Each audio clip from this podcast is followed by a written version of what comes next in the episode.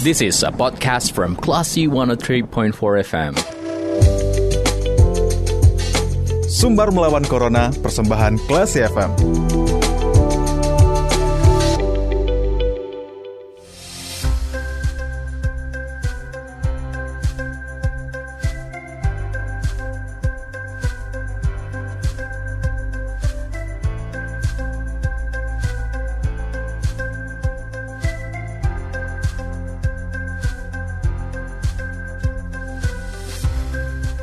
103,4 kelas FM, this is the actual radio class people. Saatnya Anda mencermati sumber melawan corona dan sore hari ini kita akan ngobrol mengenai vaksinasi untuk ibu dan anak. Nah, kelas people kita sudah terhubung bersama Direktur Umum SDM dan Pendidikan RSUPM Jamil, yaitu Dr. Dr. Dovi Yanas SPOG. Kita langsung sapa. Halo, selamat sore, Dok. Selamat sore. Ya, selamat sore. Apa kabar? Ya. Kabar baik, kabar baik.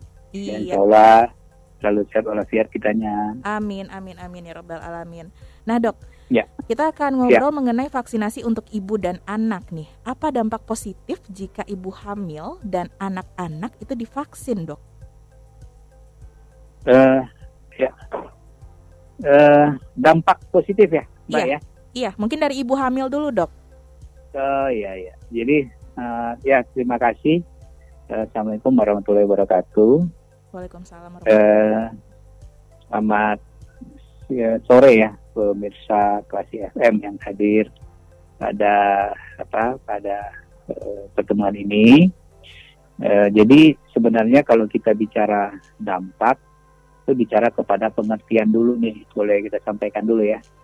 Uh, secara umum adalah vaksinasi itu adalah suatu uh, pencegahan uh, penyakit yang akan masuk ke dalam uh, tubuh seseorang uh-huh. uh, dengan cara ya, dengan caranya bagaimana dengan cara menstimulasi merangsang uh, pembentukan antibodi ya jadi antibodi uh, di dalam uh, tubuh seseorang.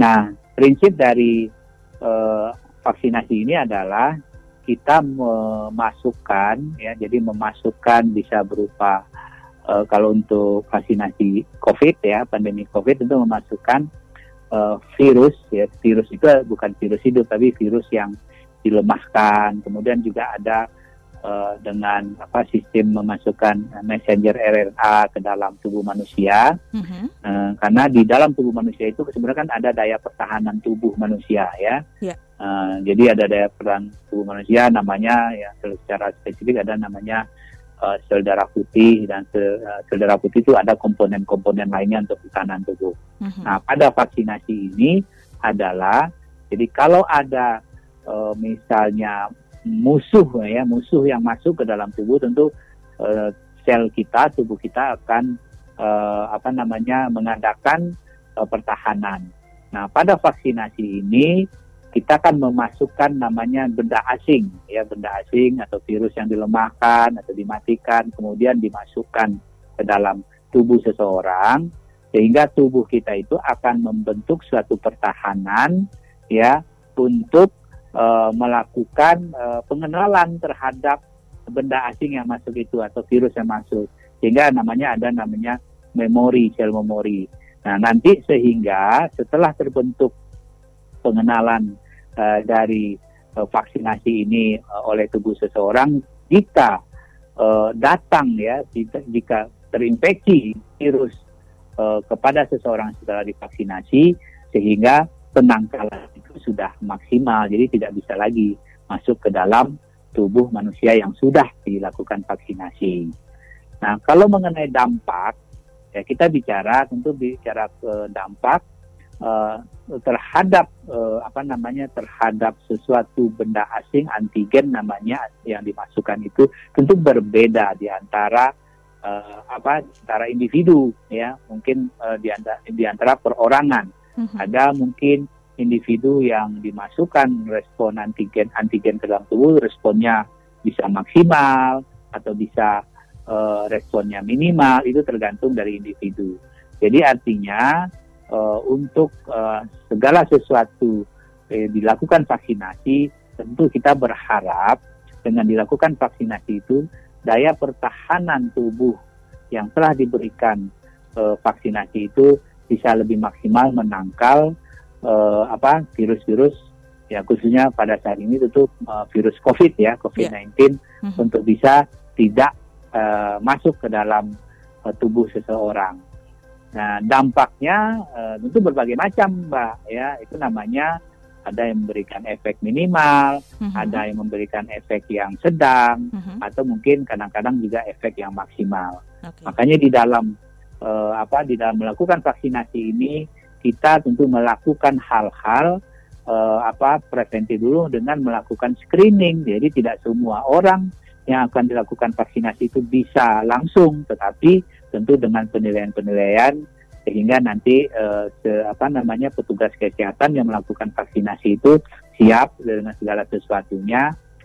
Makanya dalam penilaian vaksinasi itu ada screening namanya. Yeah screening apakah orang itu nanti setelah dilakukan pertanyaan-pertanyaan atau anamnesis uh-huh. ya um, uh, apakah uh, yang berhubungan dengan uh, namanya kontraindikasi misalnya uh, yang akan divaksinasi ini menderita penyakit ya yang autoimun atau penyakit-penyakit yang lainnya yang tidak boleh dilakukan vaksinasi tentu ini akan dievaluasi tetapi ada namanya uh, bukan dampak sebenarnya KIPI ya kalau kita tahu namanya kejadian ikutan pasca imunisasi itu pasti uh-huh. ada yang akan kita hadapi makanya nanti setelah divaksinasi ada screening ada vaksinasi ada observasi pasca vaksinasi okay. secara umum uh-huh. kalau kita bicara vaksinasi apalagi sudah direkomendasikan oleh uh, apa namanya pengambil otoritas kebijakan Kementerian Kesehatan, BPOM ya, kemudian board dari imunisasi atau ITAGI itu kalau sudah direkomendasikan berarti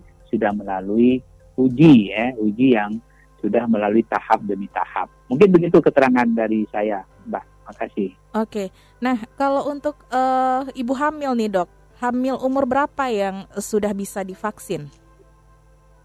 Ya, uh, jadi kalau vaksinasi ibu hamil sebenarnya kenapa kita sekarang uh, mulai mendeklarasikan vaksinasi ibu hamil, sebenarnya ibu hamil itu adalah salah satu populasi yang rentan terhadap infeksi COVID-19 yeah. di Indonesia. Jadi kalau kita lihat dari perjalanan mulai pandemi COVID-19 di Indonesia yang kita tahu bulan Maret tahun 2020 ya sampai mm-hmm. -huh. sekarang udah hampir jalan satu setengah tahun ini. Betul. Nah ternyata ternyata kasus ibu hamil yang terinfeksi COVID-19 ini semakin lama semakin banyak yeah. ya. Mm-hmm. Uh, kemarin kami mendapatkan data dari Dinas Kesehatan Provinsi uh, Sumatera Barat sampai bulan Juli ini ternyata ibu hamil yang terinfeksi COVID-19 itu hampir 900 ibu hamil. Okay. Nah, jadi mm-hmm. 900 ibu hamil. Nah, kalau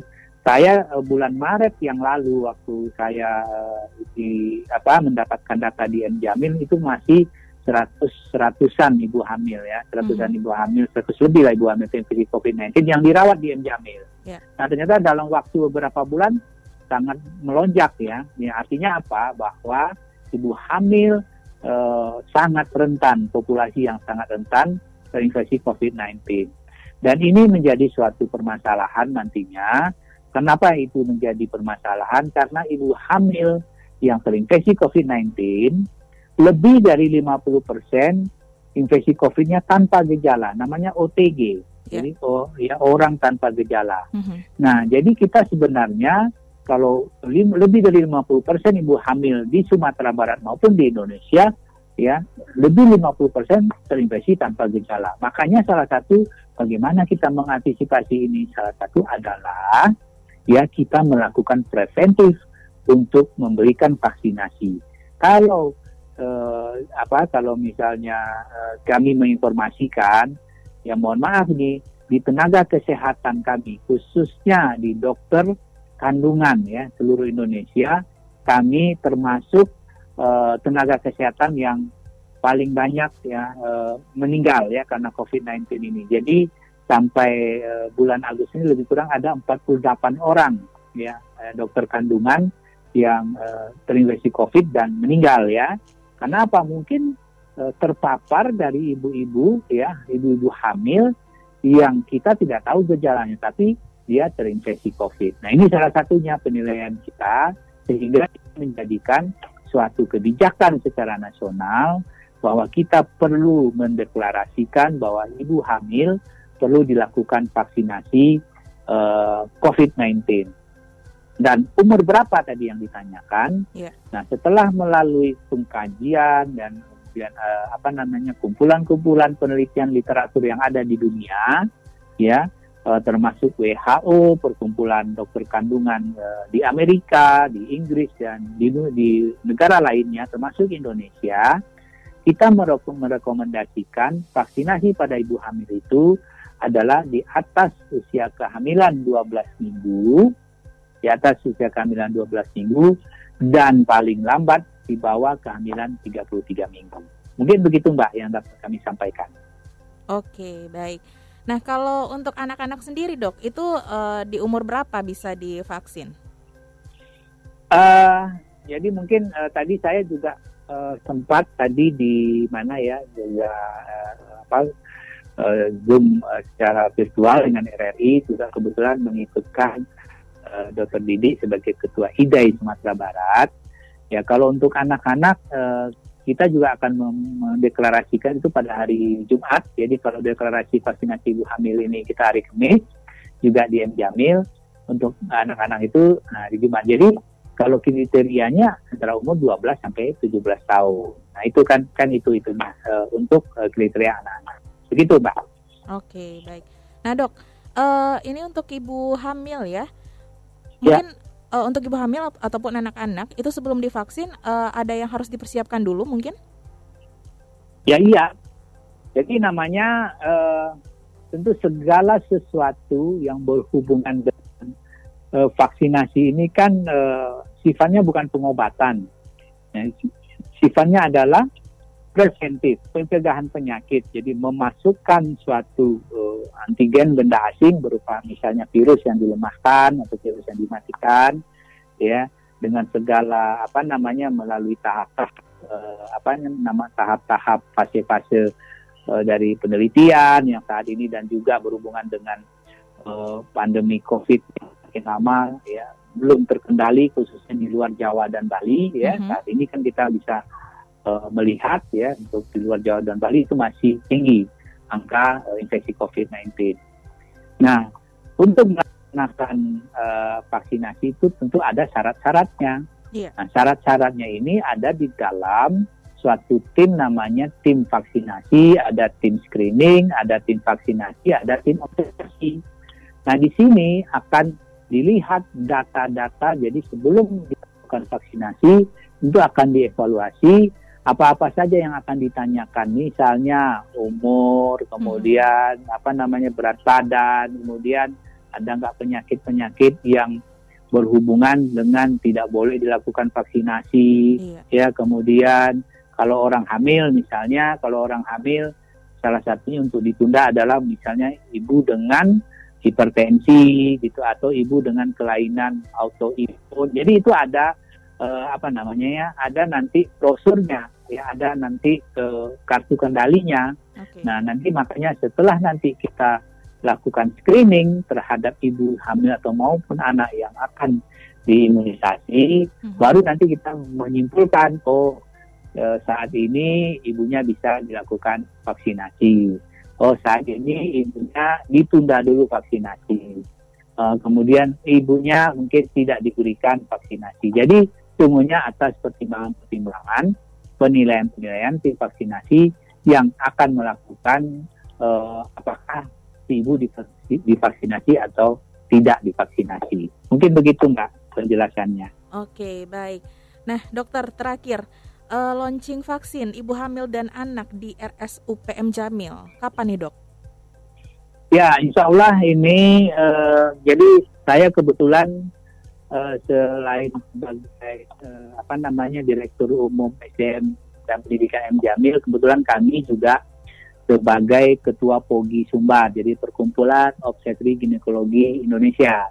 Di Sumbar ini ya kita ada lebih kurang hampir 100 anggota Uh-huh. Nah makanya kita bersama-sama uh, dengan uh, pengurus Pogi Pusat, dengan BKKBN, uh, dengan Kementerian Kesehatan, dengan IBI, ya dengan punya tekad bahwa kita harus menyelamatkan ya ibu hamil dan janin ya yang dikandung oleh ibu hamil eh, tentu dengan pencegahan vaksinasi dan insya Allah ini akan dideklarasikan pada hari Kamis besok uh-huh. tanggal 19 Agustus ya di, di serentak di delapan kota besar di Indonesia. Oke, okay, baik. Nah, termasuk Padang. Nah, Padang itu satu-satunya Sumatera tuh. Jadi di Sumatera itu e, dipilih Padang. Nah, untuk Padang sentranya adalah di M Jamil. Okay. Kenapa M Jamil? M Jamil sudah melakukan vaksin itu dari awal pelaksanaan. Jadi pada waktu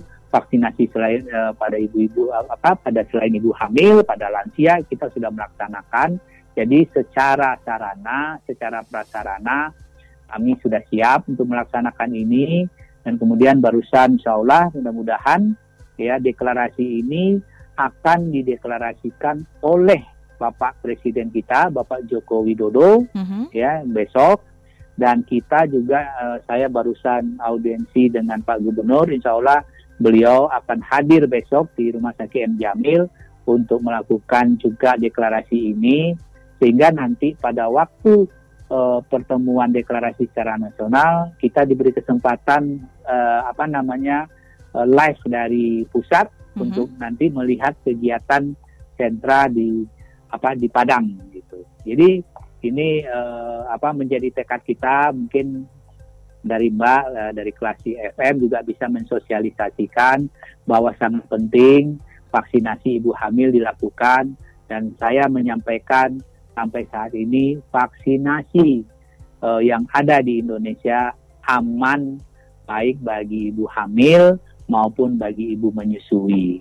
Sehingga apa yang diharapkan dengan diharapkan dengan uh, sasaran ibu hamil di Sumatera Barat lebih kurang 28 ribu tentu kita harus melakukan uh, kegiatan ini dan saya sudah berkoordinasi dengan teman-teman di daerah, uh, teman-teman sejawat saya di daerah supaya berkoordinasi juga dengan Dinas Kesehatan Kabupaten Kota, BKKBN maupun IBI untuk bisa melaksanakan vaksinasi ini secara berkelanjutan. Jadi artinya kita punya tekad kalau sudah tercapai nanti herd immunity, apa itu herd immunity? Itu kekebalan populasi. Okay. Minimal 70 persen uh-huh. ya populasi itu harus divaksinasi sehingga timbul kekebalan secara apa alami dan insya Allah nanti COVID ini bisa kita atasi sesegera mungkin. Mungkin begitu penjelasan penjelasan saya, Mbak. Oke, baik Dokter Dovi untuk waktunya di sore hari ini dan penjelasannya. Semoga besok acaranya berjalan dengan lancar, launching vaksin ibu hamil ya. dan anak ya, di RSUP M Jamil. Iya, baik. Ya, amin. Oke, ya. selamat melanjutkan aktivitas kembali, Dok. Assalamualaikum. Waalaikumsalam warahmatullahi wabarakatuh. Makasih ya, Mbak. Iya, sama-sama, Dokter.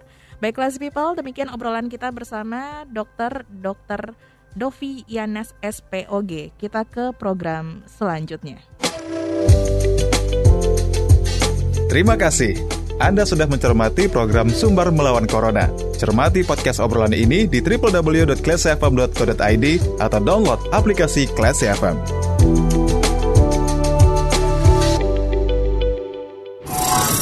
This is a podcast from Classy 103.4 FM.